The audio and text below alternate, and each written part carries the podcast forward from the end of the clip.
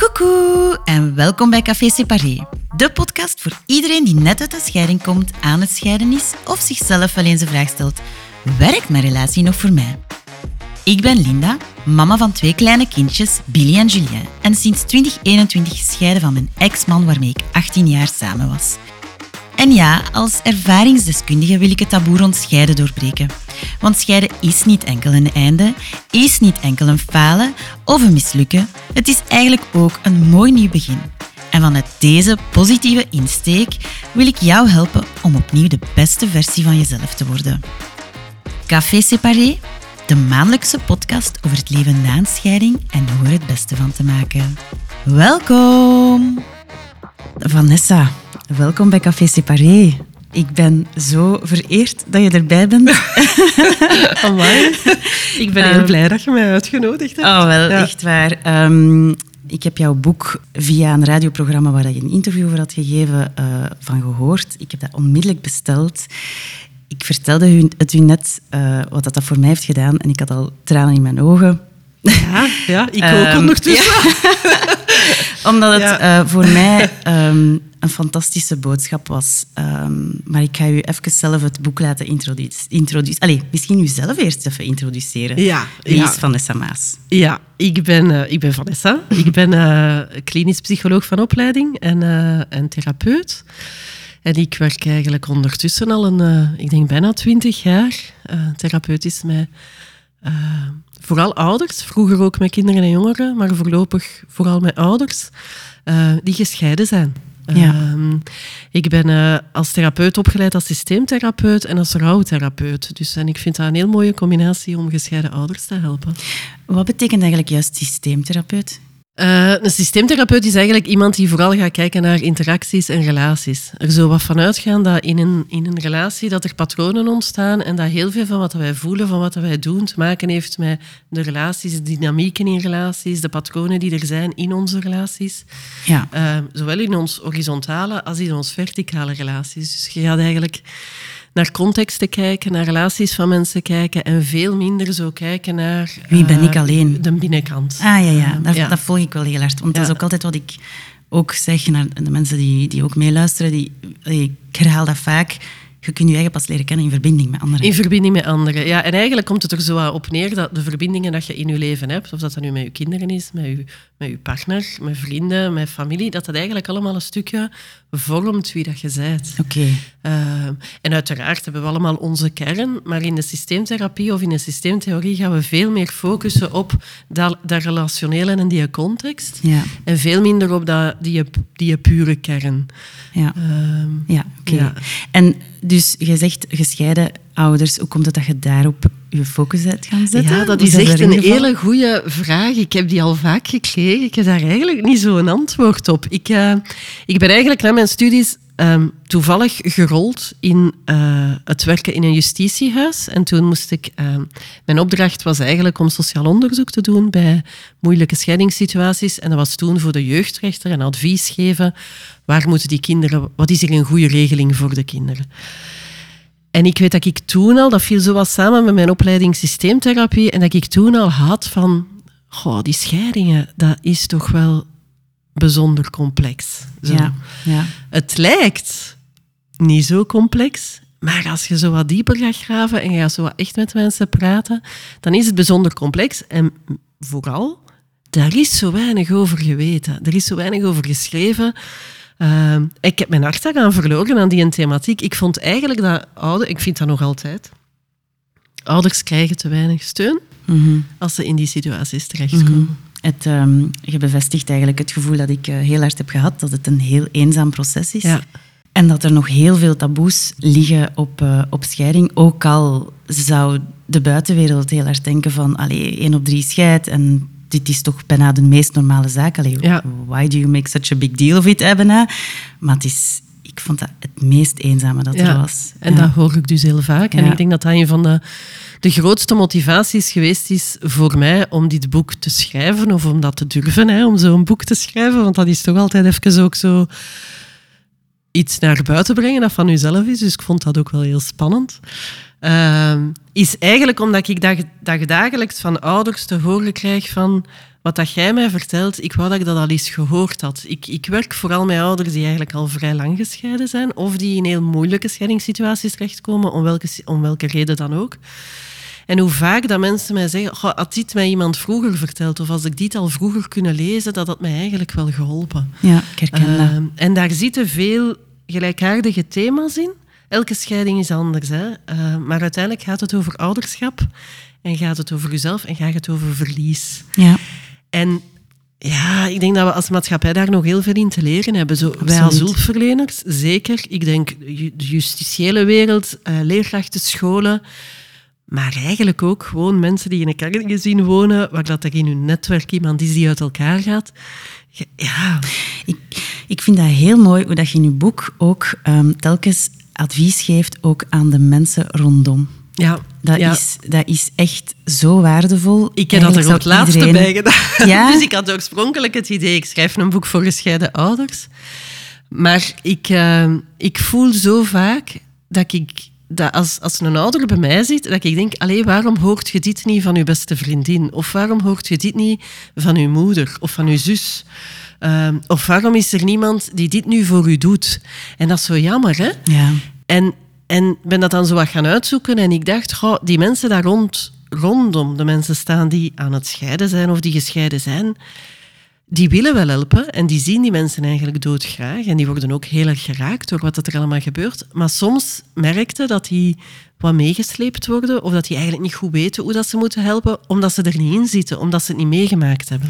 Dat is wat ik elke keer benoem. Hè. Als je het zelf niet hebt meegemaakt, is het onmogelijk om te weten wat de ander meemaakt. En ja dat boek helpt, dan, uw boek helpt daar dan in. Hè? Ja. Ik heb het ook niet meegemaakt, hè? En dat, dat, vind ik dan soms zo'n moeilijke, om zo dat ik dan denk, mag ik, allez, mag ik dit? Ik, ik heb er niet in gezeten. Ehm, dus ik heb het boek wel geschreven vanuit de praktijk, vanuit heel veel luisteren naar ouders. Dus als er dan een ouder is, gelijk als, gelijk als wat jij nu zegt, van het heeft mij echt geholpen, dan doet me dat wel deugd. Omdat ik soms ook wel denk van, goh, eigenlijk ik weet in mijn hoofd ondertussen wat het is, maar ja, denk ik. Als je gesprekken hebt gehad met honderden mensen, natuurlijk, ja.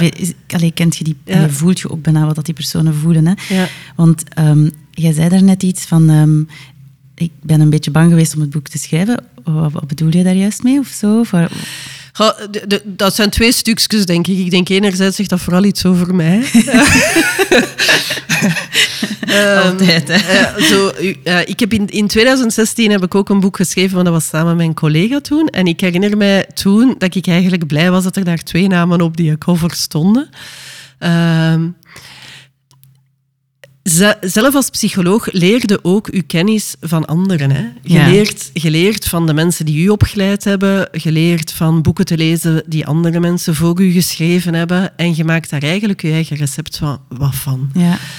Ehm, en nu voel ik, ik denk dat ik zo wel wat ehm, heel veel al gehoord en gelezen en, en verhalen gehoord. En, en misschien toch ook wel een aantal mensen al kunnen helpen heb in die scheidingen. Maar om dan zo te gaan zeggen, en ik ga nu eens zeggen hoe dat, dat voelt en hoe dat je het moet doen, dat vind ik zo zelf soms nog een beetje een stap. ben nog wel een onzeker. Hè? Dus dat was een twijfel. En een tweede twijfel is, ik vertel soms wel een ander verhaal dan wat er zo maatschappelijk uh, gezegd wordt over scheidingen. En dat kan ook wel wat confronterend zijn soms. Dus ik was soms ook wel wat bang voor de reacties.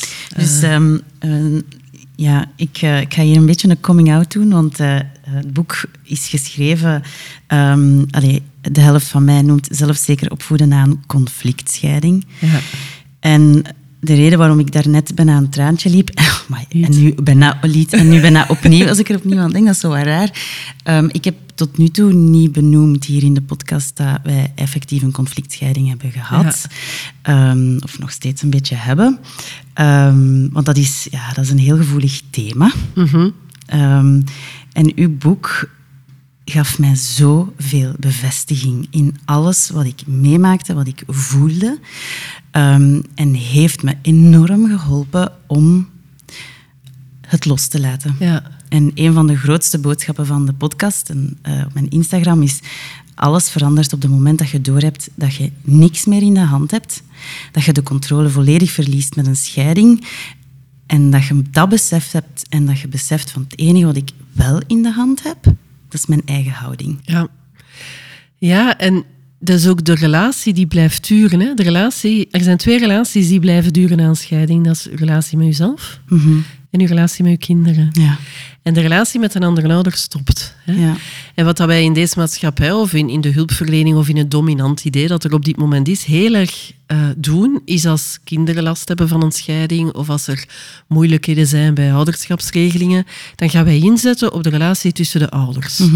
Die relatie moet beter zijn. Maar ik denk dat net in die relatie zit de pijn, zitten de triggers, uh, zit het verschil, zit het ik wil u eigenlijk loslaten of ik moet u eigenlijk loslaten.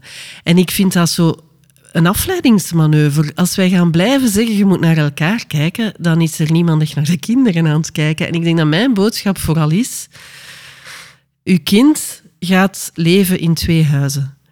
En dat is moeilijk voor een kind, dat is lastig voor een kind. Maar dat hoeft geen trauma te zijn, Ja. zolang dat uw kind een ouder heeft, minstens één en hopelijk twee, die het daarbij helpt. Ja. En daar zijn ze verantwoordelijk voor als ouder. En dat kun je echt alleen maar als je die andere ouder loslaat. Ja. Nu, een coming-out, ik zal ook een doen. Ik heb heel lang getwijfeld of ik dat er zou opzetten na een conflictscheiding. Omdat, omdat je daarmee weer, en dat doen we, vind ik vaak, daar een aparte groep van maakt. En dat wil ik eigenlijk net niet. Ik wil eigenlijk net zo mensen die gescheiden zijn. En daar is een, com- een beetje een continuum van soms verloopt dat vlot en soms wordt dat wat complexer om, omwille van al- allerlei redenen ook. Maar door daar zo conflictscheiding, hè, of dat zo te benoemen, maakte daar opnieuw zo'n groep van die het nog anders doet dan de andere. Ja, er zit iets veroordelend in. Dus ik denk dat ik moest ik hem nu uitbrengen, na, na vier maanden, dat ik zou schrijven, zelfs zeker erop voeden een scheiding. Ik weet het eigenlijk niet goed of dat beter is. Dat kan, kan ik even zo nog niet goed benoemen. Want ja, misschien heb je wel gelijk. Want dan veralgemeent je het en er zitten tips in voor zowel mensen die in een scheiding... In allee, voor, ja, voor gewoon mensen, iedereen? Ja, voor eigenlijk voor iedereen. Het proces en de aandachtspunten en de valkuilen horen bij het proces van verlies, proces van reorganisatie en proces van ouderschap na scheiding. En ik denk, in sommige situaties verloopt dat vlot, in andere situaties verloopt dat complex. En dat complexe kan te maken hebben met de context van conflict en een conflict dat escaleert en dan zit je in een conflictscheiding. Maar het kan ook te maken hebben met bepaalde situaties die eigen zijn aan personen. Hè? Ja. Eh, maar wat je als ouder te doen hebt, in zo, hoe krijg ik terug die relatie met mezelf in orde en hoe krijg ik die relatie met mijn kind, hoe, of hoe kan ik die eigenlijk op een goede manier vormgeven, dat is denk ik voor alle gescheiden Voor ouders een beetje hetzelfde. ja, dat is waar. Ehm, en wat ik zo dan voel, is als je dat dan zegt, hè, die coming out, en ik vind het mooi dat je het doet, omdat ik denk, ja, dus dan, dan neemt je zelf het taboe er een beetje van weg. Hè? Ik heb altijd gezegd dat ik taboes wou doorbreken. En ehm, ehm, met dat wij daarnet al een beetje aan het praten waren, en ik, had, ik zei je van ja, ik, heb daar eigenlijk, ik blijf daar heel vaag over. Maar vaag is meer, het, het is geen gemakkelijke scheiding, maar ik wil ook niet.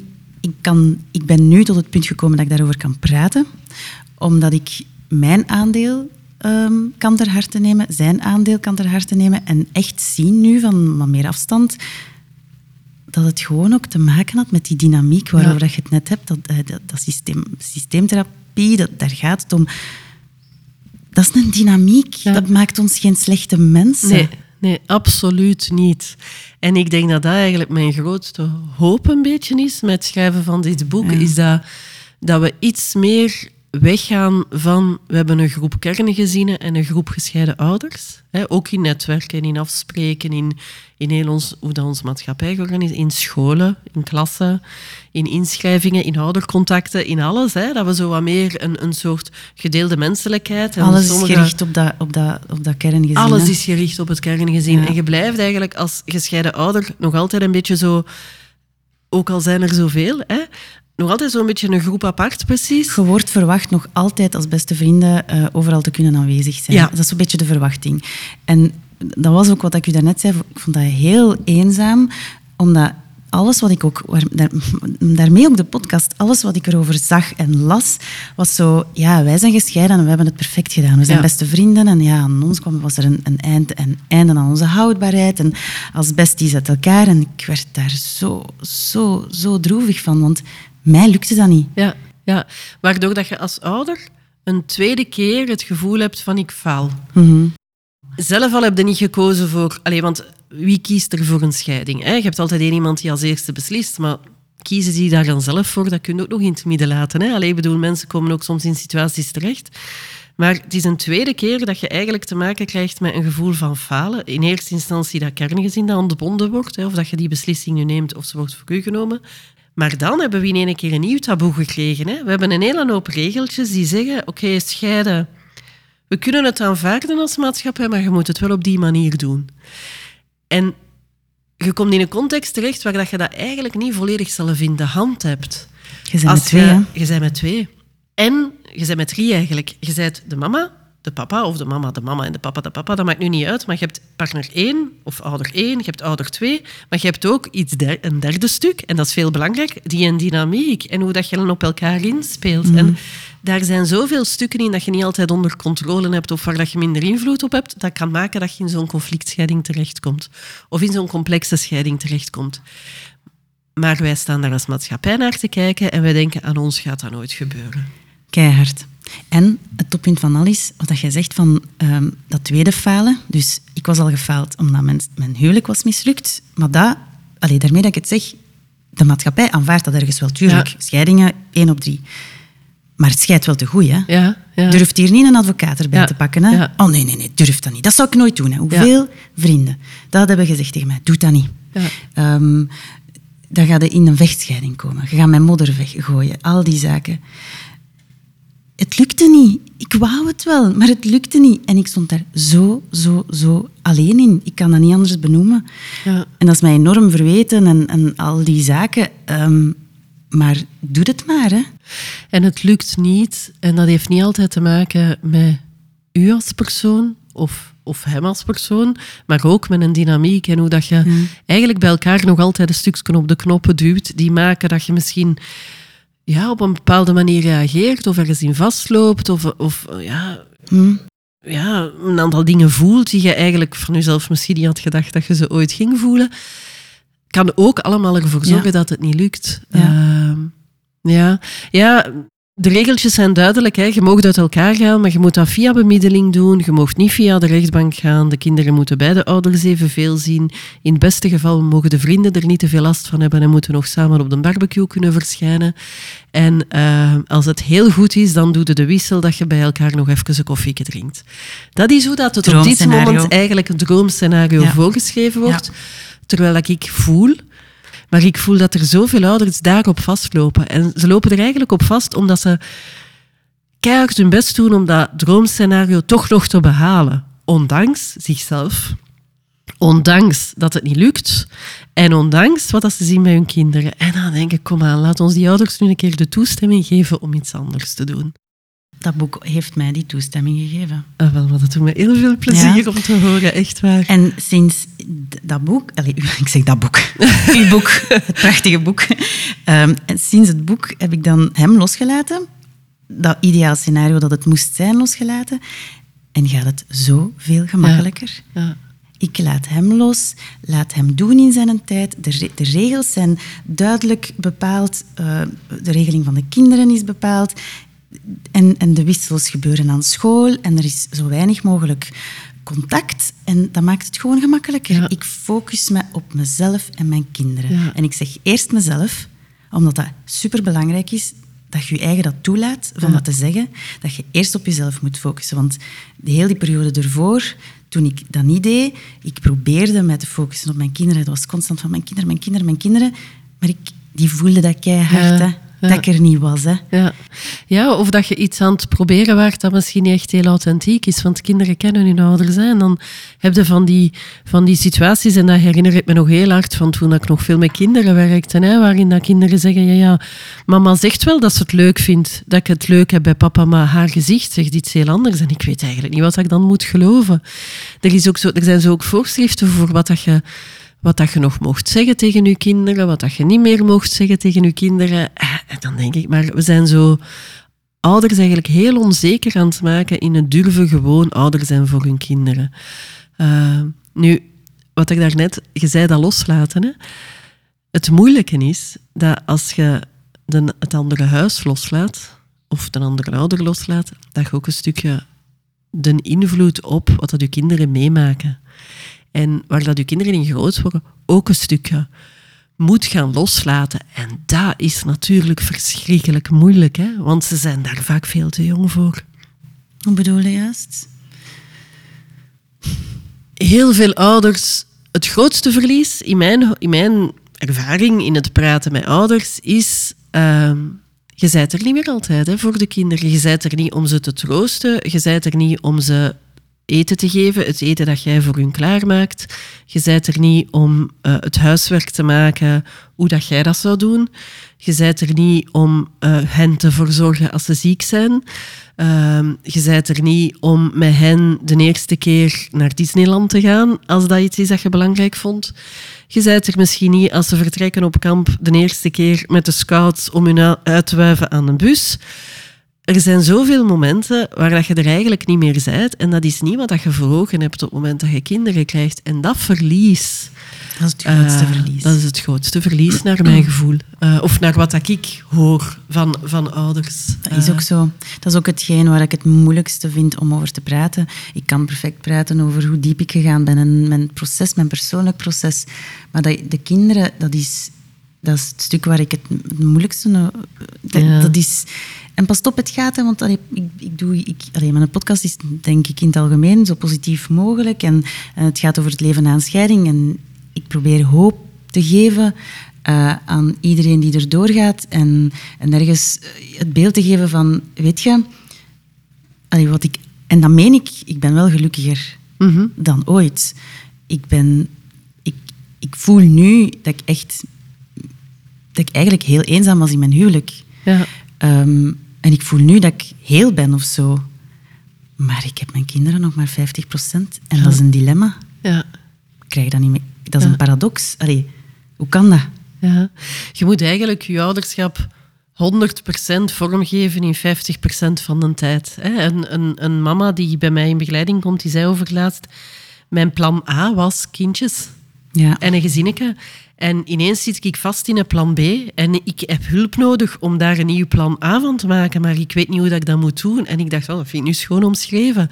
Want de context waarin dat je je kinderen groot brengt verandert. En een van de grootste dingen die verandert is een tijd. Ja, de tijd dat ze bij u zijn, de tijd dat jij bij hen bent, de ervaringen die je samen deelt, de dingen waar dat je invloed op hebt. Hè. Je, je, ze groeien ook op in een, in een ander huis waar dat jij eigenlijk niet zoveel invloed niet meer op hebt. En dat is, dat is een verlies, want dat wil zeggen dat ze eigenlijk ook wel wat dingen gaan meemaken of in dingen geholpen gaan worden of niet geholpen gaan worden op een manier dat jij dat absoluut niet zou doen. Ja. En dat is heel moeilijk. En voor mij ligt daar heel veel kiem van conflicten. Omdat natuurlijk de manier waarop dat jij naar ouderschap en naar opvoeding kijkt en waarop dat een andere ouder dat doet, niet altijd hetzelfde is. Ook in een kerngezin niet. Maar je bent er wel om het te compenseren. Dat is het verschil. scheiding niet meer. Want dat is het verschil. Al die kleine issues dat je, al, dat je sowieso hebt al in een kerngezin samen overeenkomen over de manier waarop dat je opvoeding um, uh, vormgeeft dat is al moeilijk in een kerngezin. Maar dan moet je dat plots doen als twee gescheiden. En dan volgens de norm of volgens de maatschappelijke verwachting moet je daar dan nog eens in overeenkomen. Je wordt samen opgeroepen bij oudercontacten. Ja. Uh, als er een issue is met je kind, allee, godzijdank tot nu toe loopt alles redelijk vlot. Maar als er iets is, ja, je moet samen naar de directeur gaan of wat dan ook. Allee, bedoel, ze verwachten dat je daar ook samen bent. Hè. Ja, en dat is toch wel iets waar ik echt heel hard hoop dat het boek, maar ook zo, allee, dat we dat verhaal wat meer verspreid krijgen. En mhm. dat is misschien ook een stukje de angst dan geweest om het te schrijven, of zo de, de spanning om het te schrijven. De dag dat de oudercontacten apart mogen, dat uh, scholen en leerkrachten niet meer zeggen ja, maar dan moeten wij dubbel zoveel oudercontacten doen. Dat is niet waar. Ja. Uh, dat is enkel in de situaties dat het voor kinderen en voor ouders moeilijk is. veiliger aanvoelt om het apart te kunnen doen. Dat je als ouder kunt naar een oudercontact gaan en horen wat dat die leerkracht vertelt over uw kind en over het functioneren van uw kind en over wat dat uw kind van u nodig heeft, zonder dat heel uw lijf op dat moment uw aandacht trekt naar die een andere ouder. Want dat is wat dat er gebeurt als je heel erg gekwetst geweest bent. En wij kennen dat allemaal. Uh, mensen die niet gescheiden zijn. En je denkt aan iemand met wie dat je in een groot conflict zit. En je zit op een feestje en die komen toe. Je weet constant waar dat die zijn en wat dat die aan het doen zijn. Want je lijf houdt zich daarvan, is zich daar bewust van. Maar als maatschappij, om het ons gemakkelijker te maken, moeten ouders dat maar doen. Ja. En dan heb ik het nog niet over de situaties waarin dat er daadwerkelijk geweld geweest is tussen ouders of tussen partners, of waar dat er echt trauma's zijn. Ja. Wat verwachten wij eigenlijk Ja. hè, dan van mensen? Dat je dat even uitzet, Ja.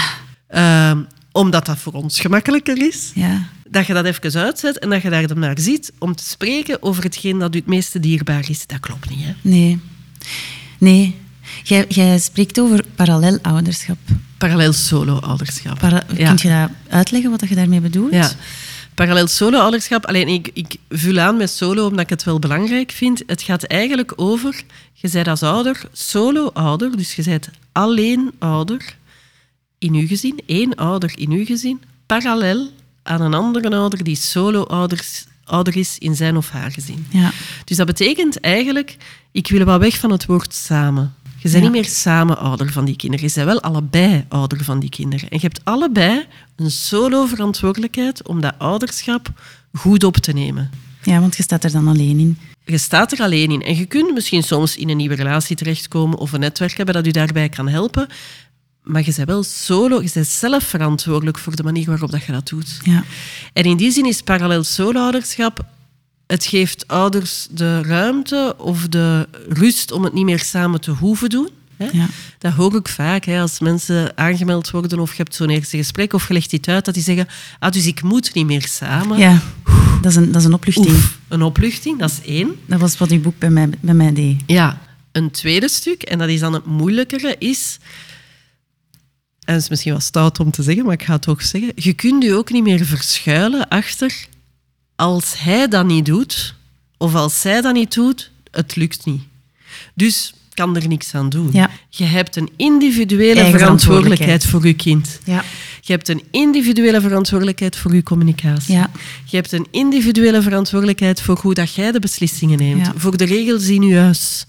Ehm, voor de opvang van de kinderen. En dat is uw verantwoordelijkheid. En dat is, dat is dus voor mij het solo-stuk. Dus vind ik wel heel belangrijk dat het erbij komt. Het is, ehm, dat is ehm, verpletterend, hè?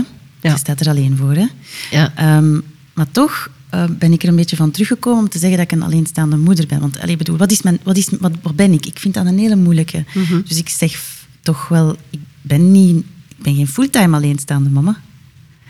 Snap je? Dus ik ben, ik zeg toch co-ouderschap. mama. Ja.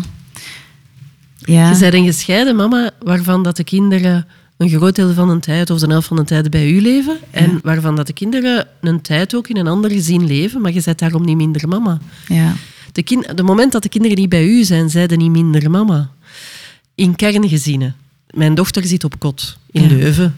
In de week dat zij op kot zit in Leuven, ben ik niet minder mama van haar dan op de momenten dat zij bij mij is. Dat is natuurlijk, we hebben een heel proces gedaan. Ik ben, ik ben zelf gelukkig niet gescheiden. Ik ben daar heel dankbaar voor Mhm. dat, dat ons dat hè, op dit moment nog altijd gelukt is. Eh, Dat is ook mooi dat je dat omschrijft. Hè? Dat kan ja, elk moment dat is gebeuren. ook zo. Het kan elk moment gebeuren. Ja. En, en dat, dat, dat- ik, ik, eh, ik ben de eerste om te zeggen dat ik in die situatie ook terecht kan komen. Ja.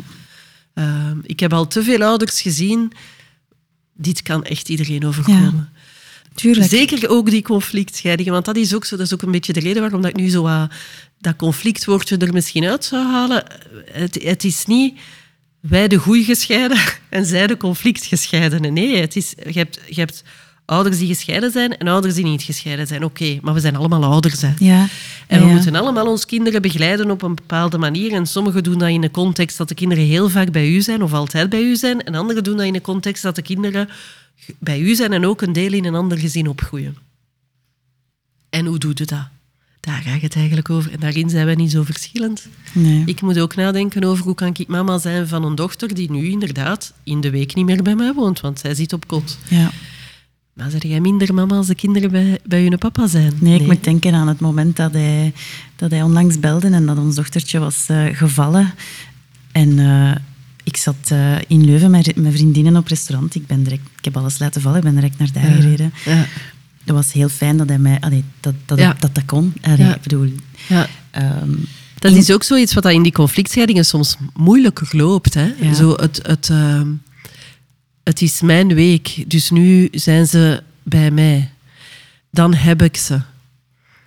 Die taal, hè? Ja, daar ben ik heel gevoelig voor. wat bedoelde? Het is de week dat ze bij mij verblijven. Het is niet uw week. Het is niet de week dat jij ze hebt. Het is de week dat ze bij u verblijven. En dan is er een week dat ze niet bij u verblijven. Ja, toch en dat is het een hele, een hele andere context. Maar het zit heel erg over... Je bent 100% mama in 50% van de tijd. Trouw- trouwens, ehm, in de aflevering met Hanne zegt zij dan... Ik, heb- ik heb die quote echt al vaak gebruikt, want zij was de eerste bij wie dat ik dat gehoord heb. Ehm, ik ben 100% mama in 50% van de tijd. Dat kwam bij mij ook heel hard binnen, want dat is keis gewoon gezegd. Want laten we Ja. eerlijk zijn, als we, 100, als, we ze, als we onze kinderen 100% hebben, dan zijn we uiteindelijk ook 50% allee, met andere dingen bezig. Hè? Dus dat Ja. is inderdaad wel een beetje het verschil. Maar ik... ehm, ik ga daar even een kanttekening bij maken, bij wat dat je zegt van, ze, ik heb ze de week dat ik ze heb. Ik kan bijna niet anders dan dat zo te doen, omdat ehm, de week dat ik ze niet heb, moet ik ze zo hard loslaten. Ja. Dus dat is zo de manier, in de week dat ik ze heb, ja, dan is alles op hen gericht. Ja, En in de week dat ik ze niet heb, ja, dan moet ik bijna, om te overleven, ja, dat keihard loslaten. ja. En ze zijn dan niet bij mij, klinkt dan anders. Dan heb, ja, dan, dan, ze zijn dan niet bij mij, ja, ja, dan... Maar wat bedoelde van, dan verblijven ze niet bij mij, ja, ze zijn niet bij mij, dan heb ik ze niet, ja, zeg ik dan inderdaad. Mijn kinderloze week zo, hè. Ja, ja, En dan focus ik gewoon meer op mezelf, mijn werk, eh, mijn vrienden. ja. Ja, mooi hè. En ik denk heel goed dat je dat doet. Zo, ehm, om in de week dat de kinderen niet bij u zijn of niet bij u verblijven, ehm, voor uzelf ook te zorgen. Ja. En, en, en energie Ja. te laden en ook een stuk te herstellen van wat dat je ook zelf als persoon meemaakt in de stress en in de spanningen en in de langdurige periode van onduidelijkheid of van verlies Ja. dat je meegemaakt hebt. Dus ik denk dat die een tijd, dat, dat, dat je die ook effectief wel een stukje nodig hebt. En Eh, dat is contradictorisch, hè. ja, Ik vind dat kei moeilijk om dat toe te geven. Ik heb die tijd nu Ja. tegenwoordig nodig. Ja. Die alleen tijd op mezelf. ja, Te- terwijl je bent toch gemaakt om 100% mama te zijn. Dus hoe komt het dat ik plots die tijd nodig heb om daarvan te, ja, te bekomen of zo? Maar dat is ook omdat die tijd zo intens is als je kinderen bij u zijn. Ja, maar ook denk ik omdat je als je een scheiding doormaakt of als je een, een, eh, eh, een relatiecrisis doormaakt, dat is ook niet. Scheiden doe je ook niet op een week tijd. Hè. Scheiden doe je vaak. Hè. Er is een periode ervoor dat het eigenlijk heel gespannen verliep, dat er wat conflicten zijn. Of dat er geen conflicten zijn, maar dat je voelt aan angst of aan wegliepen of aan naast elkaar leven van... Dit geeft wel spanning en stress. dan heb je de periode dat alles geregeld moet worden. En dan heb je de hele periode daarna. Dus je moet herstellen. Niet van die week dat de kinderen bij u zijn, maar je moet ook gewoon als persoon herstellen van het verlies dat je geleden hebt, van het rouwen dat je moeten doen hebt, van de lange periode aan stress. Allee, ik noem dat soms een parentale burn-out. Hè. Allee, we, we- we, gooien met de termen burn-out. Maar mensen die in een burn-out zitten omwille van stress en, en dingen op het werk, daar hebben we gigantisch veel zorg voor. Maar dit is evenveel chronische stress of toxische stress die heel lang aansleept. Dus als jij zegt, ik heb die een tijd voor mezelf nodig, omdat je daarvan moet herstellen, en dat hebben mensen in een kern gezien, die hoeven daar niet van te herstellen. Soms wel, soms lopen relaties ook niet goed natuurlijk. Hè? Maar allee, ik denk dat je begrijpt wat ik Ik begrijp bedoel. het 100%. hè. Het is niet... Het is niet Ik wil je zo al bijna bedanken. En ik hoop dat het feit dat je dat benoemt, dat dat voor veel mensen ook gaat helpen om dat te horen. Want ik ben er zeker van dat ik daar niet alleen in ben. Allee, dat is zo, ik begreep niet goed waarom dat ik dat zei. En dat helpt mij wel om dat dan weer te kunnen plaatsen van oké, ik mag wel. Ja, je moogt en ik zou het u zelf aanraden om Ja. het ook te doen. Ja. Eh, je merkt ook, ehm, ik was er deze morgen nog, we waren iets aan het voorbereiden, ehm, een, een, een andere podcast waar, dat ik, eh, waar dat ik op uitgenodigd ben, we waren dat aan het voorbereiden. En het ging ook over, daar was ook een gescheiden mama, en het ging erover dat zij zei, in de week dat de kinderen bij mij zijn, ehm, voel ik ook een gigantische druk. En dat is wat we nu ook in de vakantie heel erg gevoeld hebben. Dat moet perfect, bijna perfect zijn. Dus je legt jezelf een hele grote druk op. Je mag ook dan s'avonds niet gaan sporten, want eh, je hebt al zo weinig, dus je moet toch wel zorgen dat ze dan bij u zijn. Hè? Zo een babysit vragen in een je weekend, dat, ze- niet? dat toch niet? Ze dan bij de grootouders gaan laten, dat doe je toch niet? Allee, we leggen, we leggen ons, allee, ik zeg we, maar hè, ouders die gescheiden zijn, leggen hun zoveel druk op om die periode dat de kinderen dan bij hen verblijven zo kwaliteitsvol te maken, dat ze misschien ook wel wat moeten bekomen, omdat je dan de hele tijd leeft in functie van. En dat ze dan ook heel erg moeten bekomen in de week dat de kinderen dan vertrokken zijn, of ze verblijven dan tijdelijk bij een andere ouder, van ben hier eigenlijk wel moe van. Ja. En dat is iets wat ik nu ook gehoord heb de voorbije week in de gesprekken, de vakantieperiode. Twee weken alleen zijn met de kinderen is pittig. Twee weken de kinderen niet bij u hebben is ook pittig. Ja. Het is alle twee pittig op een heel andere manier. Ja. En het netwerk staat er heel weinig bij stil. Wel, we hadden het er net over. Je had iets eh, gepost op je Instagram-pagina. Ja. En ik, ja, ik heb het ook gedeeld op Café Separé. Dat je zei, zeg het maar zelf. eh. Ja, we hadden op een bepaald moment een post gedaan eh, met een oproep eigenlijk van ken jij een gescheiden ouder? En we hadden eigenlijk enerzijds gezegd van goh, misschien moet je eens vragen hoe dat gaat. Ja. Want zowel misschien is het de eerste keer dat ze lang de kinderen moeten missen, of misschien is het de eerste keer dat ze lang de kinderen alleen moeten entertainen, hè, Ja. of, of, of alleen een vakantie moeten organiseren, of alleen op vakantie gaan met de kinderen. En misschien is het niet zo evident. En misschien durven ze er niet te veel over zeggen, omdat ze niet opnieuw daar willen zijn met hun verhaal. Dus misschien is het goed dat jij eens vraagt, hoe is het nu met u? Ja. Dat was eigenlijk een beetje de boodschap van de post. Amai, zoveel reactie. Ja. Ik was er eigenlijk echt van verschoten. En, en vooral reactie, ik, ik krijg meestal reacties van hu- hulpverleners. Maar deze post heb ik heel veel reacties gekregen van gescheiden ouders. Wat dan mij wel deugd doet, want uiteindelijk zijn het zij voor wie dat, dat, dat, ik dit ja, doe. Hè, ja. Die echt zeiden van, ah, Herkenning. ja, herkenning. Herkenning van wat dat je meemaakt. Ja, Ehm, want je moet je zo sterk houden. ja, constant. Je moet sterk zijn als je ze hebt. Je moet blij zijn als je ze hebt. En je moet je sterk houden als je ze niet hebt. Want het is toch tof, de tijd alleen.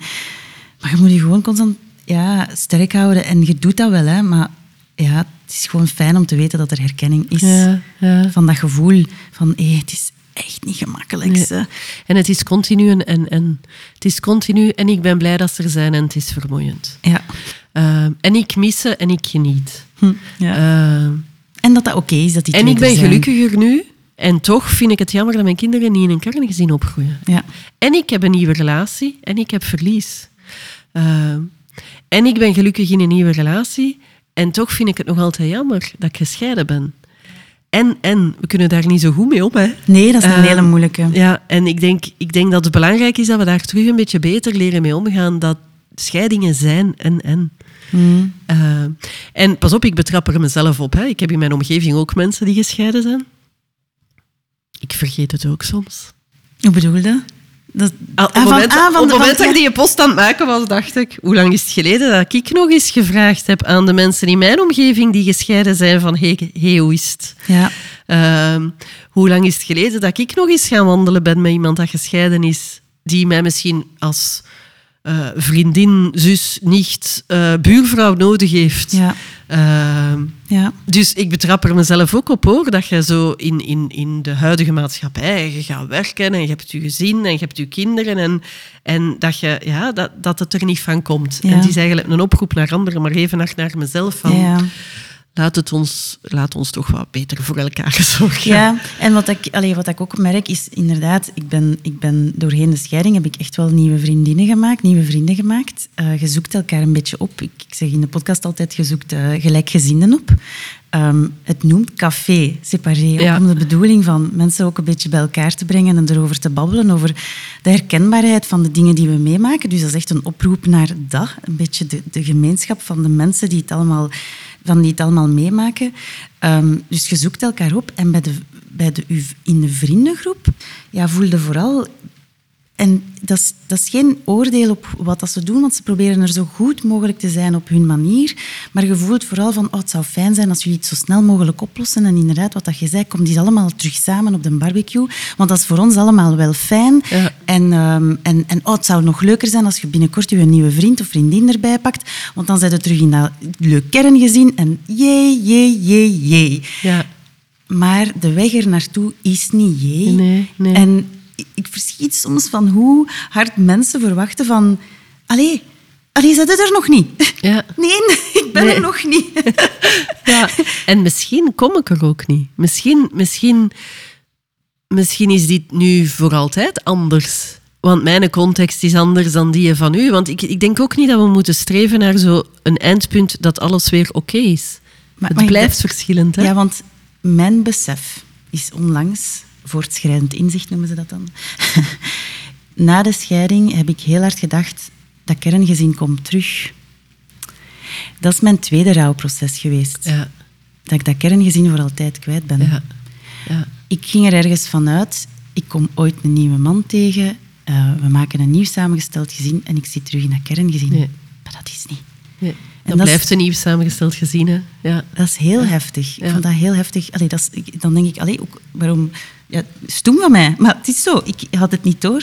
Ja. Maar gaat het ook niet door, omdat het u zo weinig verteld wordt, denk ik. Eh, Ja. Dat is hetzelfde met rouw- het rouw en het verlies. Ik denk, ik, ik, eh, ik, ik weet niet of dat een voorbeeld is dat ik in een boek gebruikt heb, eh, maar ik heb een papa in begeleiding gehad die opa geworden is.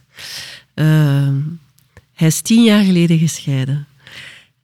En in die periode had hij een traject bij mij gedaan en dat was afgerond. Hij had zijn weg daarin gevonden. Eh, het was eigenlijk oké met de kinderen. Eh, zijn dochter was mama geworden. Eh, en hij belde en hij zei, mag het nog eens komen? Hij is maar één keer geweest, maar hij moest het even kwijt. Zelf als opa word ik er nu mee geconfronteerd met die beslissing die ik toegenomen heb. Want de dochter is bevallen. De eerste dag in het ziekenhuis heeft zij naar haar papa gebeld en gezegd: "Goh, Papa, weet je, mama komt vandaag, vindt het goed dat jij morgen komt. De band tussen dat meisje en die papa was in die mate dat ze dat kon vragen aan haar papa. Hij kon voor haar dat doen, om te zeggen, oké, kom morgen. Ik weet dat het te gespannen gaat zijn als we daar alle twee zijn, door welke omstandigheden dan ook, ging dat niet. En hij voelde zoveel verlies, want hij zei, doordat ik tien jaar geleden gescheiden ben, moet ik een dag wachten voor mijn kleinkind te kunnen zien. Eh, Het stopt niet als je, als je terug in een nieuw samengesteld gezin... Er is een partnerstuk dat hersteld wordt, maar heel de complexiteit van gescheiden ouder zijn stopt niet. Ja. Uh, en uiteraard is het toffer voor de vrienden en de familie om u terug gelukkig te zien. Hè? Maar ik denk, zo het voorbijgaan aan die complexiteit is wel een jammer. Ja. Dat dat te veel gebeurt. Ja. Ook voor kinderen. Hè? Want, ehm, wacht, ik ga even nog terugkomen op het parallel solo ehm, ehm, ouderschap. Wat, wat zijn uw, want daarna wil ik het dan nog hebben over de grootouders en de tips naar de ouders, eh, naar de vrienden. Maar ehm, wat zijn zo wat de tips die jij inderdaad in het boek meegeeft? Want ik, heb, ik had ehm, eh, effectief een, een, een luisteraar die aan mij vroeg van... Goh, ehm, ik ga het even vertellen hoe dat verhaal was. Dus ze kreeg telefoon van haar zoontje, die bij de papa was op dat moment. En die aan het wenen was dat hij terug eh, wou komen naar haar. Dus ik denk dat ze twee kindjes heeft, 12 en 9. En ja, ze, ze zei aan mij van, hoe moet ik hiermee omgaan? Dat is, ze vroeg aan mij, hoe moet ik hiermee omgaan? Ja, ja wat, zei- wat zou- Moeilijk, hè? Moeilijk, hè? En dan denk ik, goh, los van de situatie, wat is de last van dat zoontje op dat moment? Gemis. Gemis aan mama. Ehm, ik, heb, ik heb heimwee, ik heb gemis, ik heb verdriet. En, en, en, en ik, ik kan mij, mijzelf hier nog niet helpen. En ik heb hier steun in nodig. De last van mama op dat moment is... Ik kan dit nu niet voor mijn kind doen, want hij is op dit moment niet bij mij. Dus je moet als ouder op dat moment heel goed nadenken over hoe kan ik mijn kind helpen terwijl ik niet bij hem ben. Hè? De valkuil is, ik ga malen. Mhm, Dat is de valkuil. De valkuil is, en, en dat is een, begrijp, een begrijpelijke valkuil, hè? dat is hetzelfde als uw kinderen zijn een week op kamp en ze bellen u s'avonds, mama kom mij halen, ik heb heimwee. Je zou ook in hun auto springen en er naartoe gaan. Kinderen die in gescheiden contexten opgroeien, die moeten eigenlijk leren, vrij jong, te jong soms, Hmm. om ook met dat gemis een stukje om te gaan. Want het verlies voor u als ouder, dat is één stuk. Maar ook kinderen gaan voor de rest van hun leven ervaringen meemaken waar dat een van beiden misschien niet bij is. Ja. Gaan moeten eh, leven in een context waarin dat je en heel blij bent dat je bij papa bent en mama mist. ja, En heel blij bent dat je bij mama bent en papa mist. Heel fel. En ik denk, wat, dat, wat dat ik aan zo een, een, mama zou aanraden, is om heel erg met haar zoontje stil te staan bij wat kan je allemaal doen als je verdrietig bent en als je iemand mist. En ik herinner mij dat ik ooit eens eh, mijn mama de oefening gedaan heb van... eh, leer hem eens om zijn oogjes toe te doen en aan u te denken. Mhm. En te voelen als hij aan u denkt dat je eigenlijk wel bij hem bent. En leert hem dat vooral in de periode dat hij bij u is, s'avonds, als hij op zijn kamer zit en hij wordt s'nachts wakker. Mhm. En hij roept u in plaats van direct te gaan. Leer hem, doe eens uw ogen toe en denk eens dat mama daar is. Ja. En ik denk dat binnen parallel solo-ouderschap gaan we vooral heel erg zoeken naar wat kun je doen en wat kun je niet doen. En hoe kun je verdragen dat wat dat heel je lijf zegt, dat wil ik nu doen, dat je dat misschien niet kunt doen. Eh, maar je voelt zelf, op het moment dat ik het aan het vertellen ben, hoe moeilijk dat, dat is. Hè? Ja. En hoeveel steun dat je daarin nodig hebt. Ja. Ja. Ja, dat is, eh, dat, is, eh, ja, dat is echt een proces van loslaten ergens. Hè? Want Ja. ik zei ook tegen haar van... En ergens ook wel vertrouwen dat hij wel zijn best doet, de papa dan. Ja of niet, hè? Eigenlijk, ja, in, in 80, 85 procent van de gevallen, 90 procent van de gevallen, denk ik, doen ouders hun best. Er zijn ook ouders die dat niet doen. Ja. En dat is verschrikkelijk moeilijk als er dan een regeling is waar dat je er niet bij bent. Dus ik, ik, ik, ik hou zelf niet zo van het woord loslaten, ik hou meer van het woord anders vasthouden. Hoe kun je voor je kind zorgen, ook al zijn ze er niet bij? Oh man, als, ja, ik vind dat een hele heftige. Want als je het gevoel hebt dat, dat allee, als je zegt die 10% dat, dat je niet zeker bent dat de eh, andere ouder het goed doet, ja, dan dat, dat, moet, eh, dat moet heel heftig zijn. Ja, en daarin denk ik dat er, dat er, dat er ook wel wat dingen te doen zijn. Hè. Als dat heel duidelijk is dat een kind niet veilig is, dan denk ik ook dat de Ja. maatschappij daarin een stuk eh, een verantwoordelijkheid te nemen heeft, die ze nu ook niet altijd nemen. Nee, hè. Als voilà. ik denk aan situaties waarin de ouders zich heel veel zorgen maken over hoe dat hun kind bij de andere ouder is, en misschien terecht te zorgen maken. Het wordt weinig onderzocht op dit moment. Hè. Op dit moment wordt er heel vaak van uitgegaan, dat is de scheiding. Dat is de ouder die de andere ouder niet kan loslaten. Ja, Eh, waarmee dat ik denk dat we soms een aantal situaties ook missen en kinderen eigenlijk een stukje in de steek laten. Maar soms is het ook de scheiding. Soms is het ook, ik vind het moeilijk om te weten dat papa op een, of mama op een heel andere manier gaat zorgen voor ons kind. Hem heel anders gaat troosten dan dat ik dat zou doen. En toch ga ik dat moeten aanvaarden. En opnieuw, dit heb ik in de kern gezien ook. Hè. ja, Als mijn kinderen klein waren en ik was niet thuis en die waren verdrietig, dan deed mijn man, superlieve papa, maar heel anders troosten dan dat ik troost. Wel, maar dat was ook, dat was denk ik, want ik denk, laten we ho- hopelijk in 80% van de gevallen Ja. zitten ze wel in een veilig, veilig nest. Ehm, en, en dan denk ik inderdaad dat het dan is van, oké, stel dat jullie nog samen waren, dan, en jij waart weg voor het werk of je waart gewoon niet thuis, whatever, ja, dan had de papa het ook op zijn manier gedaan. En dan is het nu eenmaal zo. Ja. En dan is dat veel minder zwaar of moeilijk. Ja. Maar nu is het inderdaad het feit dat je het moet loslaten en dat, hij, dat je kinderen daar zijn. En je, je kunt niet anders dan het los te laten. Want jij zou het misschien anders doen. Jij zou het, je kinderen misschien gezond eten geven en hij geeft elke dag hamburger. Ja. Allee, ik zeg maar Ja. zoiets toe. Ja. Also, Ja, en ik denk, de luxe van kinderen in een kerngezin is als, ehm, als papa u niet troost op de manier dat jij het graag hebt, dat mama in de buurt is om te compenseren. ja. Eh, dat is luxe die kinderen hebben in een kerngezin. In een, in een gescheiden context moeten kinderen leren, en dat is een opdracht voor hun, en wij moeten hen daarbij helpen, moeten kinderen eigenlijk leren, ik ga hier een relatie hebben met mijn papa alleen en een relatie hebben met mijn mama alleen. En dat betekent dat als ik bij mijn papa ben, verblijf, dat ik het hier moet doen met hem als opvoeder. En als ik bij mijn mama verblijf, moet ik het eigenlijk doen met haar als opvoeder. Met haar eh, sterke kanten en met haar minder sterke kanten. En bij papa juist hetzelfde. En ja, de grootste valkuil is dat als het mij hier niet aanstaat, heb ik een uitweg, hè, kan ik naar Ginder gaan. Hè. Ja. En dat is ook de grootste angst, excuseer van veel ouders. Hè. Eh, ik moet het hier heel goed doen, ja, dat is want wat als die ooit zeggen, ik ben weg. Hè. Ja, dat is heel fel. Dat is heel fel. Inderdaad, ik merk ook dat ik overcompenseer. Als ze bij mij zijn, ja, dan draait men weer. En je voelt dat ook aan de kinderen. Hè. Die verwachten veel van u. En ik, inderdaad, een babysit, dat doe je niet. En ik doe dat niet meer, ook omdat ik gewoon voel... Die kunnen dat er niet bij nemen, Nee. precies. Dat Ja. is zo van, ah nee, mama, we zien u al zo weinig. Nee, nu, je Ja. mag niet weg. En ja, als het moet dan bijvoorbeeld voor het werk of wat dan ook, dat ik er dan echt niet ben, ja, dat is... Ik moet hen dat echt kaderen, Ja. uitleggen. En mijn oudste vroeg nu onlangs ook van... Ja, maar waarom gaan we dan niet bij papa? Ja, Ja. moeilijk, hè? Ja, ja.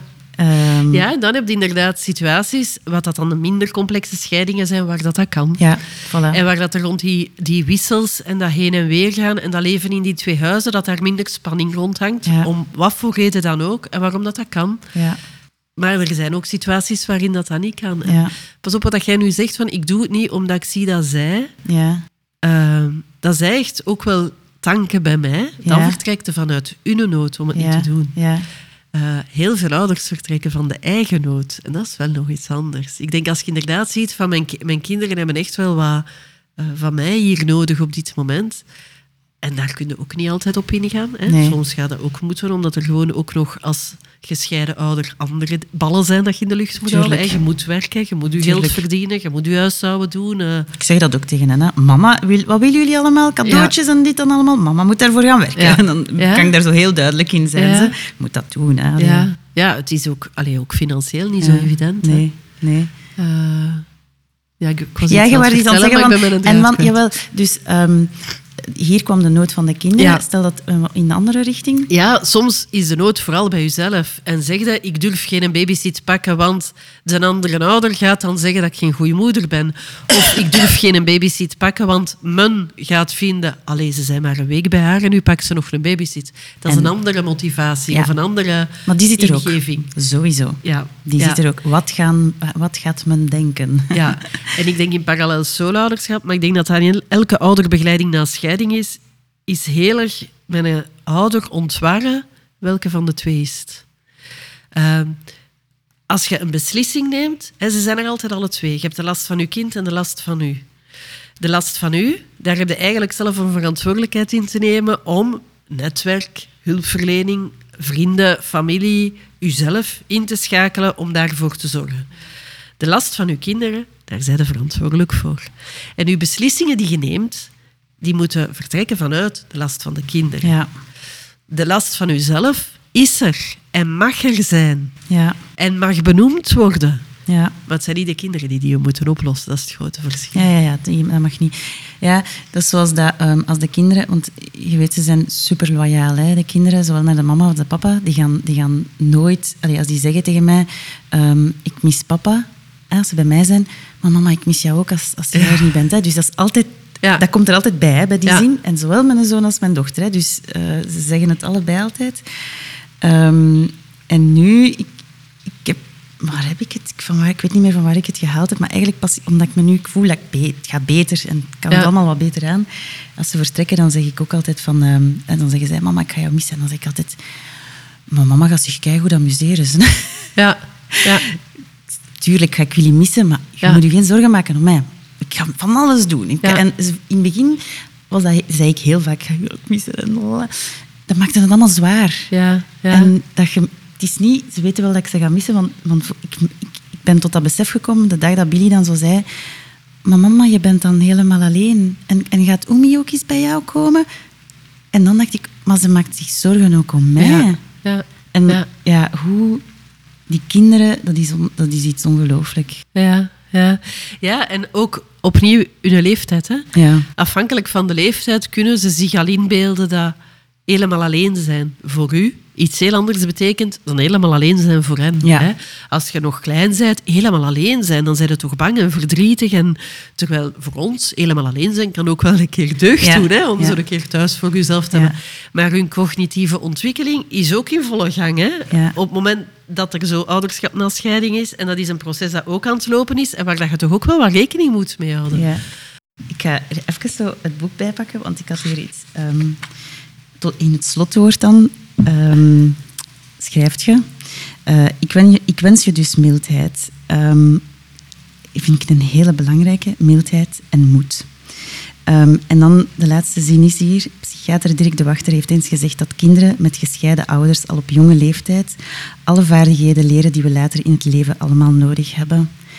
En dat is, ik hoop echt, dat is echt een hart onder de riem, omdat wij voelen ons zo schuldig. We hebben zoveel schaamte over het feit dat wij ons het rugzakje van onze kinderen vullen met onze miserie, onze scheiding, ons falen. Maar die zin is zo... weet je, we maken ze ook wel wat sterker, hè? Ja, en, en het is en een stukje, ze maken een verlies mee en, en ze moeten zich wat, wat, wat aanpassen en, en ze gaan wat complexere dingen hebben dan kinderen die opgroeien in een kerngezin. En ze leren. Ja. Maar ze leren alleen maar als je als ouder met hen bezig bent. Hmm. En als jij degene bent die het hen leert. Als jij hen leert dat eh, regels contextgebonden kunnen zijn en dat verschil tussen regels niet goed of slecht is, maar naast elkaar kan zijn. En als jij hen leert dat als je je slecht voelt, dat er heel veel dingen zijn die je zelf ook kunt doen en dat er altijd mensen zijn die je willen helpen. En dat je moet proberen opkomen voor jezelf en dat je dingen moet vragen en rechtstreeks komen. Als wij als ouders hen dat leren, dan, dan krijgen zij heel veel cadeautjes Ja. van jongs af aan. Ja. eh, die, die ze misschien anders ook zouden krijgen, maar die zij veel sneller moeten in de praktijk brengen dan andere kinderen. Ja. Eh, ja. En dat kan alleen maar als je de toestemming krijgt om niet te veel niet meer met een andere ouder bezig te Voilà, zijn. exact. En dat is dan uiteindelijk de tip, hè, dat je focust op jezelf. Ehm, ik had nog een vraag. Ehm, in het boek geeft je dus tips naar de vriendschappen. Ik denk dat we de vriendschappen zo al een beetje hebben eh, be- besproken. Ook naar de grootouders geeft Ja. je tips. Ja. ik ook... ehm, ik heb, eh, zo, ik, heb dat, ik, heb het, ik heb ook eh, de tip doorgegeven naar eh, zowel mijn, eh, ook, ja, mijn schoonouders. Allee, ik heb daar eigenlijk altijd een hele, heel goede band mee gehad. En natuurlijk, in een scheiding ja, is dat, dat is echt stom. Ja. Dat is puur... Ja. ja, mijn ex-schoonouders, by the way. ik heb Ja, altijd ja, een ja. neiging om dat zo te Ja, zeggen. ja, ja, ja. Ehm, wat is uw tip ook naar hen, hè, naar de grootouders? Goh, er zijn er verschillende. Hè. Ik denk in eerste instantie ehm, denk ik dat we niet mogen onderschatten dat uw kind dat gaat scheiden en uw kleinkinderen die opgroeien in een gescheiden context, dat dat ook voor grootouders een rouwproces is. Ja. Eh, je ziet als grootouder uw kind afzien. Ja, Eh, je ziet je kleinkinderen afzien. Hè? Of dat die nu zelf de keuze gemaakt hebben, of niet zelf de, allee, of de beslissing genomen hebben, of niet zelf de beslissing genomen hebben. Eh, uw manier van grootouder zijn verandert ook, want een aantal tradities vallen ook weg. Hè? Elke woensdagmiddag komen eten zal misschien niet meer kunnen. Hè? Ehm, ik denk, als ik één grote tip zou moeten geven, is probeert, probeert vooral uw kind te steunen maar ook te sturen en te stimuleren. En ook een beetje uit te dagen. Zo de veilige basis te zijn, maar ook te durven vanuit die veiligheid zeggen: ja, maar wacht. Wat dat jij nu nodig hebt, is misschien niet hetzelfde als wat mijn kleinkinderen nodig hebben. En ik ben zelf, ik ben zelf niet gescheiden, mijn zus is gescheiden. En eh, ik herinner mij als zij, mij soms, als zij soms bij mij kwam en ze vertelde verhalen, dat ik heel vaak de, de vraag stelde: wilde de zus horen of de tante? En, en eigenlijk hielp dat wel. Want soms zei ze de zus. En dan, dan als zus zegt iets anders dan als tante. Want als zus zegt ze soms, "Ah, maar ik vind dit zo erg voor u. En als tante zegt, maar je moet dat doen, want je kinderen hebben dat nodig. en ik denk ja. dat dat de, de tip is dat ik aan grootouders zou willen geven. Want spreekt met je kinderen en met je kleinkinderen in de rol dat je ziet. En probeer uit conflict te blijven. Want ik, eh, ik heb veel met jongeren gewerkt. Hè. Ik kan er echt twee groepen uithalen. Ik kan er de groepen uithalen die een veilige haven hadden bij hun grootouders. De plek waar dat alles een beetje hetzelfde is gebleven. En vooral ook de plek waar dat ze zichzelf konden zijn en konden ook vertellen over de andere ouder zonder zich slecht te moeten voelen. Ik kan er jammer genoeg ook een hele groep kinderen benoemen waar dat zij heel erg het gevoel hebben dat ook zij maar een klein stukje van zichzelf mogen tonen aan grootouders, omdat grootouders zelf te kwaad, te verdrietig, te bezorgd, te demoniserend denken over een andere ouder en waardoor dat ze een heel groot stuk van zichzelf niet meer tonen aan grootouders. Dus grootouders, ze zitten er heel dicht op, waardoor dat ze heel erg mee in die stress zitten, in die, in die emoties zitten, in die zorg zitten voor hun kind en voor de kleinkinderen. Veel grootouders reageren vooral als ouder en te weinig als grootouder. ja. En dat is begrijpelijk, hè? De dag dat er iemand mijn kind kwetst, zal ik het misschien ook doen, hè? ja. Eh, maar ik denk dat je er alert moet voor zijn. Ja, maar dat is een heel, heel goede tip. Ik weet dat mijn ouders inderdaad... eh, soms was ik er zelfs wat kwaad op, omdat die zo met mij heel de tijd in vraag stelden. Ah ja. Ja. ja, maar zouden niet beter het zo en zo en zo bekijken? Dan dacht je, maar luister eens naar wat ik zeg. nee, maar eigenlijk hielp dat wel, eh, omdat ze het altijd vanuit het breder perspectief bekeken. Ja, en ja. Niet, niet in die woede gingen of zo. Of, ehm, ze hadden altijd zoiets van, er moet toch een reden zijn, of er moet toch dit, of je moet dat toch begrijpen, of er zal wel dat. Ja, wat je heel erg nodig hebt, is die een andere ouder doet iets en je wilt begrijpen waarom dat hij of zij dat doet. Hè. Want het beeld dat je daarvan had, bestaat eigenlijk niet meer. Hè. Dat is ook een stuk het verlies van uw verleden. Hè. Hoe heb ik dat allemaal beleefd? Hoe moet ik dat, met wat ik nu weet, terugkijken naar wie dat ik dacht dat hij of zij was? Uh, als, als partner, maar zeker ook als ouder. En er zijn een aantal dingen die kinderen vertellen, die u een beeld geven over de andere ouder, die de andere ouder zegt of doet, die u een beeld geven. En jij bent natuurlijk in dat beeld altijd een heel stukje beïnvloed door je eigen emoties. Dat kan ook niet anders. Je ja. bent maar een mens. En als mens zijn we in de eerste plaats emotionele wezens. Wat heb je nodig van je netwerk? Is dat die dat opentrekken. Dat die is denken naar, kijken naar of vragen. Heb je het ook al eens zo bekijken? Ja, ja. Natuurlijk. Een ander perspectief erop Ja, dat is niet plezant. Hè. In het begin heb je ook mensen nodig die zeggen... Oh, ja. Ik sta gewoon als u en ik doe mee. En daar moet ook soms zo een beetje een evolutie in komen. Zo, hè. Exact. Uh, je hebt daar zelf ook de tijd in nodig om, om dat te kunnen horen. Ik herinner me nog heel goed dat er eens ooit een mama bij mij op gesprek kwam, een, een, een intake. Ik ben nogal rechtuit, ook in mijn begeleidingen. Uh, en die werd echt kwaad op mij, omdat ik zo ja, wat dingen benoemde die zij op dat moment eigenlijk echt heel lastig vond. Dus zij vertrok. En ik denk, zes maanden of zeven maanden later belt zij mij en zegt, mag ik nog eens terugkomen? Ik dacht, ja, uiteraard. En ze komt binnen en ze zegt, Vanessa, ik denk dat ik nu klaar ben om te horen wat dat je, Amai, ja. wat dat je zegt. En dan dacht ik, als oh, schoon. Hè? In die eerste fase had ze eigenlijk vooral ook de steun nodig. Dus het is ook als groothouder belangrijk om dat evenwicht te blijven zoeken. Hè. Wat heb je nu van mij nodig? Heb je steun nodig of stimuleren? Maar eigenlijk heel, de, heel je omgeving. Ja, zo... meer dan groot. Ja, voilà. ja, ja, ja, ja, ja. ja. ja. Ja. ja, want sorry, sorry dat ik je onderbreek. Ik, ik zeg dat omdat ik, wat dat jij nu zegt, herken ik heel hard bij mijn uh, beste vriendin. Die, um, zij kan dat keigoed. Um, soms, in het begin heeft zij er heel hard voor gezorgd van vooral mee te gaan. En dan toetste ze zo wel eens af. En zij is een van de enigen die mij soms zo wat kan... Uh, dat het te vroeg is, de dingen die ze zegt. Hè. Uh, en dan, uh, dan, dan, dan reageer ik daar wel op. En dan daarna kan ik daar ook wel op terugkomen. En ik ben daar heel dankbaar, want zij is degene die altijd blijft zeggen: bekijk het ook eens van het taststandpunt. Ja, ja. En dat is sterk, hè? Van ja. dat ook elke keer te blijven doen. Hè? Maar het is ook niet voor niks dat uw beste vriendin dit doet. Ja. Omdat de relatie die je met haar hebt veilig genoeg is om dat te mogen zeggen. Want dat is ook wat ik vaak in hulpverlening merk, is dat wij als hulpverleners zo... Wij zijn neutraal. Ja. Maar dan bouwt je niet die relatie aan met een cliënt om voldoende u veilig te voelen dat als iemand zegt, zou het ook eens kunnen bekijken van die kant, dat bij u niet al uw alarmbellen aangaan van, je staat aan zijn kant, hè, ik heb het al doorgezegd, heeft u helemaal ingepakt. Hè. Mm. Die relatie, het is eigenlijk vanuit... Ik heb ooit eens meegekregen, hè, eerst connectie en dan correctie. Ja. Hè. Eerst verbinden, eerst zorgen dat iemand zich veilig genoeg bij u voelt. Eerst... Uh, en daarom de mensen die het dichtst bij u staan. Ja. Voordat je kunt nadenken over, je weet dat ik u doodgraag zie, hè, maar je hebt het al eens zo bekijken. Ja. Maar die je weet dat ik u doodgraag zie, die is zo belangrijk. Ja, ja, dat is waar. En komt niet direct af met correctie. Want dan denk ik, dat maakt de ouders nog kleiner. Want Ja. ze voelen zich al zo klein als, als ze dit allemaal meemaken. Ja. Dus zo ja, eerst connectie, dan correctie. Ik Ja. vind dat, een, vind dat ja, ik weet niet meer mooie. van wie dat ik die gekregen heb eigenlijk. Maar ik heb die ooit eens van een van mijn opleiders gekregen. ja, die is heel mooi. Ehm, Maar dat is ook zoiets bij, ehm, als je naar therapeuten gaat, psychotherapeuten. Ja, ik heb begrepen dat je, eigenlijk mogen jullie geen feedback geven of zo. Maar ik wil niet anders dan dat jullie die feedback geven. Ik bedoel, als ik naar mijn therapeut ga, wil ik net wel dat hij tegen mij zegt van... "Mwah, misschien Ja, toch niet. Ik, maar ik ben misschien ook niet zo'n typische therapeut, dat hoor ik toch vaak. Maar ik, eh, ik vind dat wij als therapeuten ook moeten steunen, sturen en stimuleren. Ik denk dat heel veel therapeuten blijven zitten op het steunen.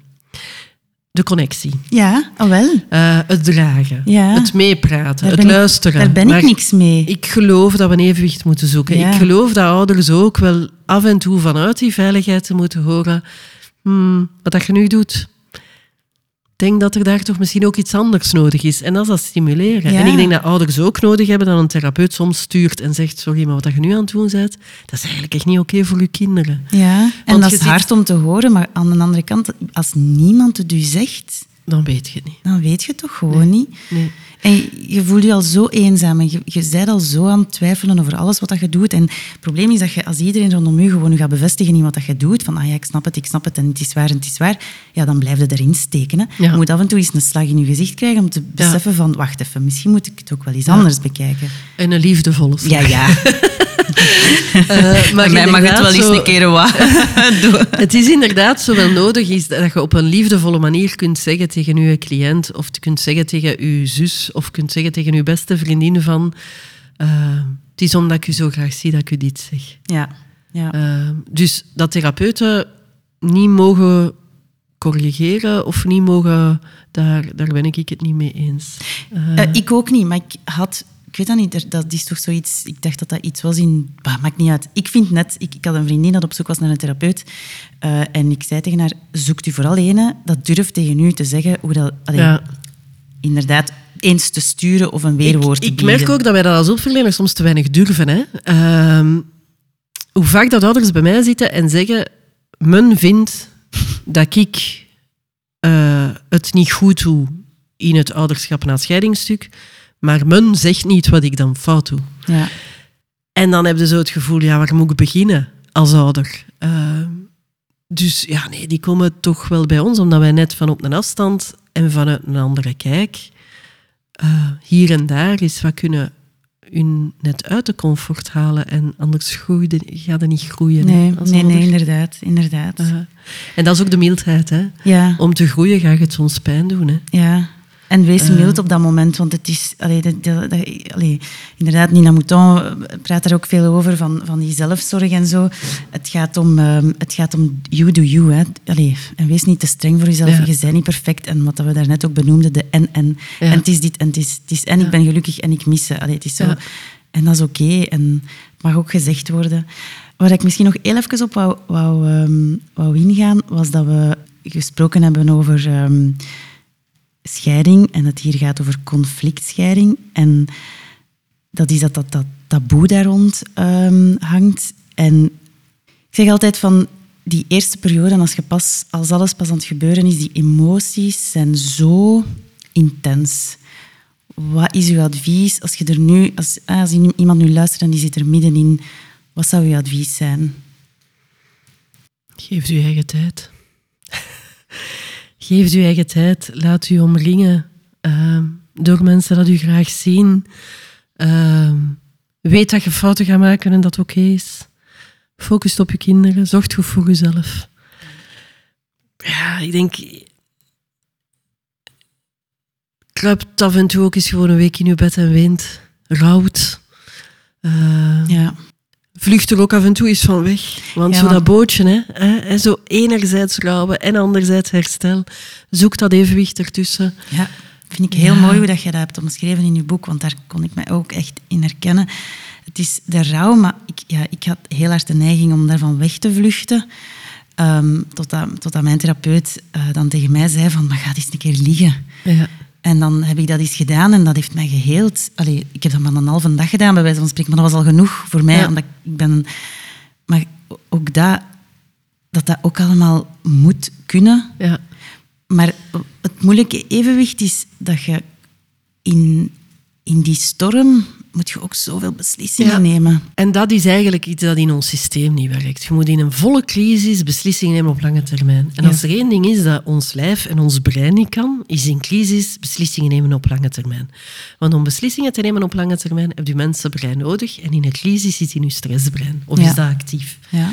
En dat is natuurlijk een hele belangrijke. En ons systeem is niet goed georganiseerd daarin. Dus ik denk, we hebben echt nog wel wat werk ook om, om zo eh, hierin een aantal veranderingen door te brengen.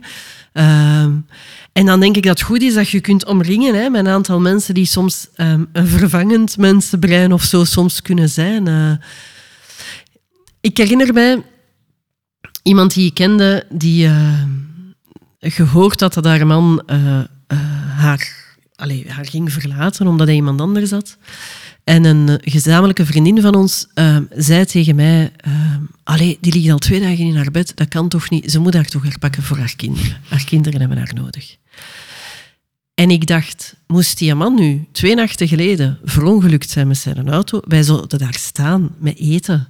Wij zouden die kinderen van school gaan halen. Wij zouden daarnaast gaan zitten. Wij zouden daarvoor zorgen, dag in dag uit. Bij overlijden gaan wij veel meer zorgen dan bij scheiden. Terwijl, au fond, is het een ik ga niet zeggen een even groot, of ik ga dat niet vergelijken, maar het is ook een rouwproces. En we moeten rouw niet met elkaar gaan vergelijken, of we moeten dat zeker niet afmeten tegenover elkaar. Maar we moeten wel erkennen dat een scheiding ook rouw is. En dus als jij daar middenin zit en jij voelt, ik heb nu nodig van een hele nacht in mijn zetel te liggen. Op het moment dat de kinderen er niet zijn, doe dat. Heb jij nodig dat je dat doet op het moment dat de kinderen er wel zijn? Zorg dan dat iemand de kinderen even komt halen, mm zodanig dat je dat kunt doen. Ja. Um, Want ehm, als ik daar nu naar terugkijk, ik uh, herinner mij goed, de kinderen waren er en ik zat met zoveel verdriet en boosheid. Als ik nu, als ik daar naar terug ga, dat is eigenlijk de heftigste periode geweest in mijn leven, omdat ik niet goed mama kon zijn. Kon ja. het niet. Ja. ik moest zoveel balletjes in de lucht houden en ik, uh, ik slaagde er niet in. En daarin is die mildheid belangrijk. Ja. Ja. Vergeef jezelf. Allee, je kunt niet alles doen tegelijkertijd. Dit is ook voor u een crisis. En je gaat waarschijnlijk hier en daar wat fouten maken. En uh, kinderen vergeven u dat ook, hoor. Maar ja. Als ze daar een uitleg voor krijgen. Ja. En kinderen mogen zien dat mama verdriet heeft of dat papa verdriet heeft, zodanig dat zij ook zien dat ze daarnaast dingen doen om met dat verdriet om te gaan. Allee, waarom zouden we dit verdriet wegsteken voor kinderen? Ja. Um, dat is niet nodig. We moeten rouw en verdriet niet wegsteken voor kinderen. We moeten wel zorgen dat zij niet voor ons gaan zorgen of dat ze niet gaan overnemen, maar dat is nog iets anders. Ja. Uh, ik, zei, ik zei tegen hen, um, als ze mij zagen wenen, want het is niet dat ik dat verstopte, ik, ik, probeerde dat natuurlijk niet heel de dag door, maar ik verstopte dat niet. Um, en dan wouden ze mij troosten en dan zei ik, maar dat is mama haar verdriet, dat is niet van jullie, dat is van mij. Mama ja. kan dat aan, mama ja. gaat dat oplossen. Ja. Om te tonen aan hen van, trek het u niet te hard aan. Allee, tuurlijk ja. trekken ze zich dat aan, maar dat was van, het is van mama, het is echt oké. Okay. Um, en het is uh, eigen aan kinderen om te troosten. En eigenlijk is het ook mooi, hè? Ja. Uh, stel dat jij in een kerngezin zou leven uh, en een van je ouders zou overlijden, of of er is iets heel ingrijpend gebeurd en jij weent in de zetel en je kind kruipt op je schoot en troost u. Dan zou dat toch ook toelaten? Ja. Dus waarom zou dat na een scheiding niet mogen, dat kinderen even wat troost bieden? Het, het, we zijn bang dat kinderen geparentificeerd gaan geraken, maar geparentificeerd is nog iets heel anders. Geparentificeerd is eigenlijk als ze een verantwoordelijkheid krijgen voor uw geluk. Ja. Dat is niet oké. Ja. Maar u een keer troosten als je verdriet hebt, er is toch niks zo mooi. Dat, dat een kindje dat op je schoot kruipt en u een keer ja, even een knuffel geeft. Ja. Ja, ja, ja, dat is waar. En je moet dat durven toelaten. En je, ja, ja het, is, het is mooi als je dat kunt toelaten. Ja, ja, ja. ja. ja. Je moet het niet. Je moet niet te veel. dat is waar. Um, Vanessa, we zijn al een uur uh, aan het babbelen. Zou jij nog iets, is er nog een boodschap dat je wilt meegeven? Is er nog iets dat je wilt vertellen over, um, over dit onderwerp? Ik, ik, uh, ik, kan daar, uh, ik kan daar een hele dag over babbelen, dus dat is zo moeilijk. Hè? Ik denk dat mijn grootste boodschap staat in een boek natuurlijk. Um, Nee, ik denk als, als er zo een samenvallende boodschap is, dan blijf ik toch een stukje bij mildheid en moed. Zo de mildheid naar uzelf, naar uw kinderen, naar uw netwerk. Uh, naar misschien de maatschappij. We hebben eigenlijk ook nog wel wat te leren hè, in hoe dat we voor de ouders moeten zorgen. Uh, maar vooral naar uzelf. Ja. En moed, ja, durft maar voelen wat dat je nodig hebt en durft maar tegen die leerkracht zeggen nee, wij komen niet samen naar die oudercontact. Ik kom morgen wel eens apart, want ik wil kunnen luisteren naar wat mijn kind uh, van mij nodig heeft. Durft maar zeggen nee, ik ga niet elke telefoon oppakken als jij mij belt, want ik wil liever met u communiceren één keer per week op een vast moment, want dat helpt mij beter. Durft maar tegen uw kind zeggen, dit gaat er gewoon met uw papa moeten regelen. Durft maar tegen uw vriendinnen zeggen, ik heb u nodig nu. Dus moet, ja, zeg maar wat je nodig hebt en durf dat maar. Ja, ehm, heel mooi. Ja, ja en dan uh, denk ik ja, dat we zo dat we, dat we misschien stilletjes voor de nieuwe gescheiden ouders wel wat, wat verandering kunnen hopen. Dat ze zich niet zo alleen moeten voelen. Absoluut. Ehm, waar kunnen ze u vinden, Vanessa? De, de, uw boek, uh, de luisteraars, uh, waar kunnen ze van, info van u terugvinden? Ik heb mijn eigen website, dus gewoon www.vanessamaas.be. Uh, ik heb een Instagram-pagina, Ouderschap na scheiding. Ja. Uh, waar ik uh, probeer eigenlijk heel regelmatig zo wat kleine tips te geven, kleine handvaten te delen voor ouders, hè, niet zozeer voor hulpverleners. Het boek is uh, in de boekhandel, denk ik, gewoon te verkrijgen. Het is, uh, het is bij Borgerhof en Lambrecht en ik zal sowieso in de show notes eraan toevoegen ja. waar ze het allemaal kunnen terugvinden en de link eraan toevoegen. Um, en we gingen er Mag ik dat zeggen over er eentje? Ja, ja, zeker. Ja. Um, en uh, ik heb heel goed nieuws, want uh, ik mag er eentje weggeven uh, van Vanessa. Um, ik zal dat wel allemaal delen op mijn, op mijn Instagram, dus kom zeker daarop kijken. Um, dank u. Dank u. Echt waar. Ik kan alleen maar duizend keer dank u zeggen voor de erkenning die jij hebt omschreven in uw boek. Dus heel fijn. Dank u, want ik... ik ik had dit boek niet kunnen schrijven had ik niet heel veel ouders gehad aan mij in vertrouwen nemen om hun verhaal te vertellen. Ja. En ik denk, ik heb heel veel geleerd van al mijn opleiders en al mijn therapeut, collega's. Maar ik heb het meeste geleerd van al die ouders die mij vertellen hoe dat is, ja. waardoor dat ik het ook kan doorvertellen. Dus, uh, ja. en, en ook vandaag weer denk ik van, goh, ja, zo en zo kun je het ook bekijken. Dus, ja. dus ik, ik ben even dankbaar. Oké, okay. uh... heel fijn. Tot snel. Ja, Graag. is goed. Dag. En zo komen we op het einde van deze aflevering. Oh, ik ben zo benieuwd naar wat dat jullie ervan vonden. Heb je vragen, bedenkingen of opmerkingen? Aarzel niet om jullie feedback te geven via Instagram of Facebook. En wil je meer weten te komen over Café Separé en wat de toekomst nog gaat brengen? Volg me dan zeker via Instagram. Vond je het een leuke aflevering? Abonneer je dan via Spotify. Laat alsjeblieft een goede rating na, dat kan me altijd helpen. En deel hem via je socials en vergeet zeker niet me te taggen. Schatjes, stay positief Yes, you can. En vergeet niet, we're all in this together. Ciao, kus. Bye, kus.